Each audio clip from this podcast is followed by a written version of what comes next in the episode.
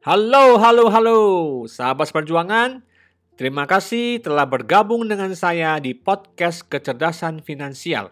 Goal saya untuk podcast ini adalah untuk membantu sahabat seperjuangan bisa mencapai financial freedom dengan belajar kecerdasan finansial atau Caisang.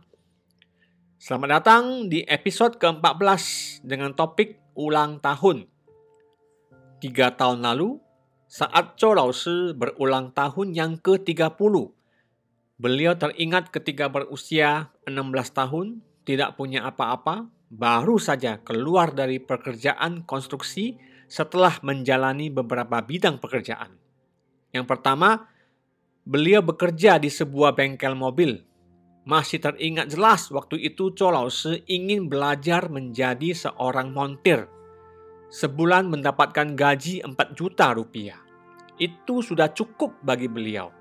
Tetapi begitu tahu bahwa bosnya sebulan bisa menghasilkan income 16 juta rupiah, beliau berpikir lagi, alangkah baiknya jika suatu hari bisa seperti bosnya, membuka bengkel sendiri dan menghasilkan income sebulan 16 juta rupiah. Kemudian beliau pindah kerja ke sebuah pabrik bubut. Saat itu gaji sebulan seorang teknisi bubut itu sebesar 8 juta rupiah. Sehingga membuat Colause bermimpi untuk bisa menjadi seorang teknisi bubut juga. Karena bisa mendapatkan gaji 8 juta per bulan. Lalu setelah beliau tahu bahwa bos pabrik itu tiap bulan menghasilkan uang 40 jutaan rupiah. Wow, beliau berkata pada diri sendiri, Impian saya nantinya akan membuat sebuah pabrik seperti ini dengan 7-8 karyawan tiap bulan bisa menghasilkan uang 40 jutaan rupiah. Alangkah indahnya hidup kalau bisa tercapai. Kemudian, Zhou Laoshi pindah kerja lagi ke sebuah perusahaan konstruksi.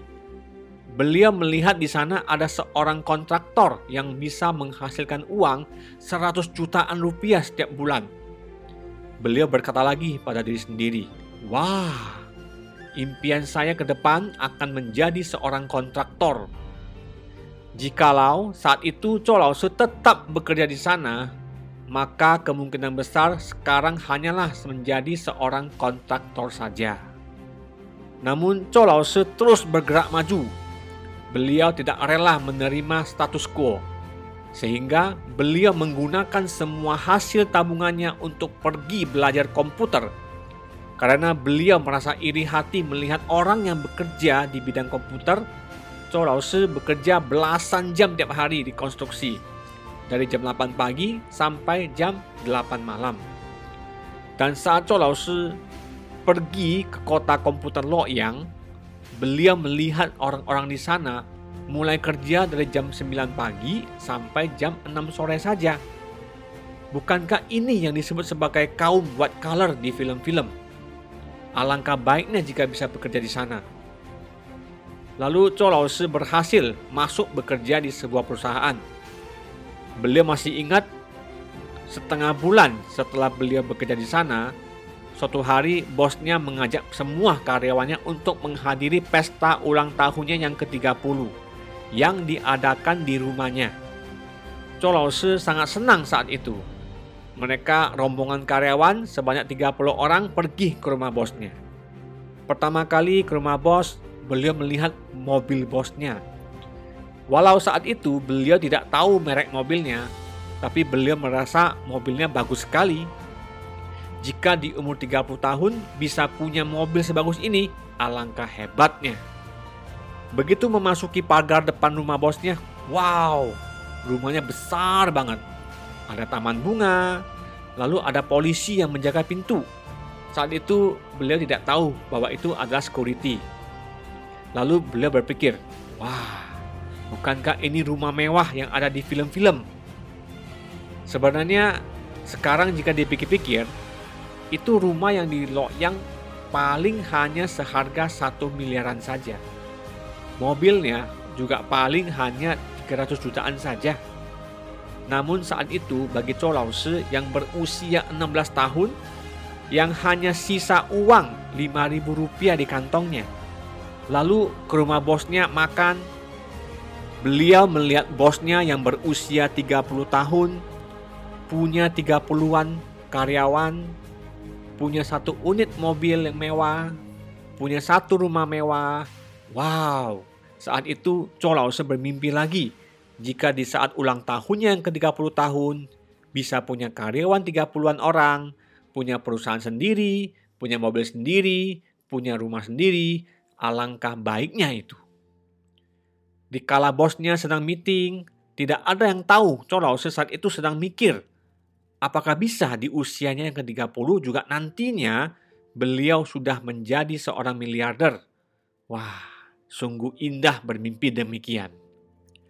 Dikala semua karyawan sedang sibuk mendengarkan bosnya berbicara, Chou sedang mabuk kepayang membayangkan masa depannya. Beliau lalu berkata pada diri sendiri, saat saya usia 30 tahun, saya harus sudah ada sejumlah karyawan seperti bosnya harus sudah mengendarai mobil seperti mobil bosnya, harus tinggal di rumah mewah seperti rumah bosnya. Nah, saat Lao ulang tahun yang ke-30 itu dirayakan di kantornya, dihadiri oleh ratusan orang karyawan dari berbagai perusahaan beliau. Apalagi hari itu juga merupakan hari Fans Chou Zi. Chou Lao tidak egois, hanya menemani keluarganya sendiri. Di hari itu beliau rayakan bersama dengan semua tim, murid, dan penggemarnya.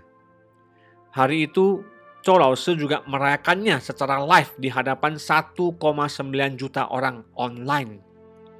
Coba bayangkan, ada 1,9 juta orang ikut merayakan hari ulang tahun beliau, sehingga membuat beliau amat terharu.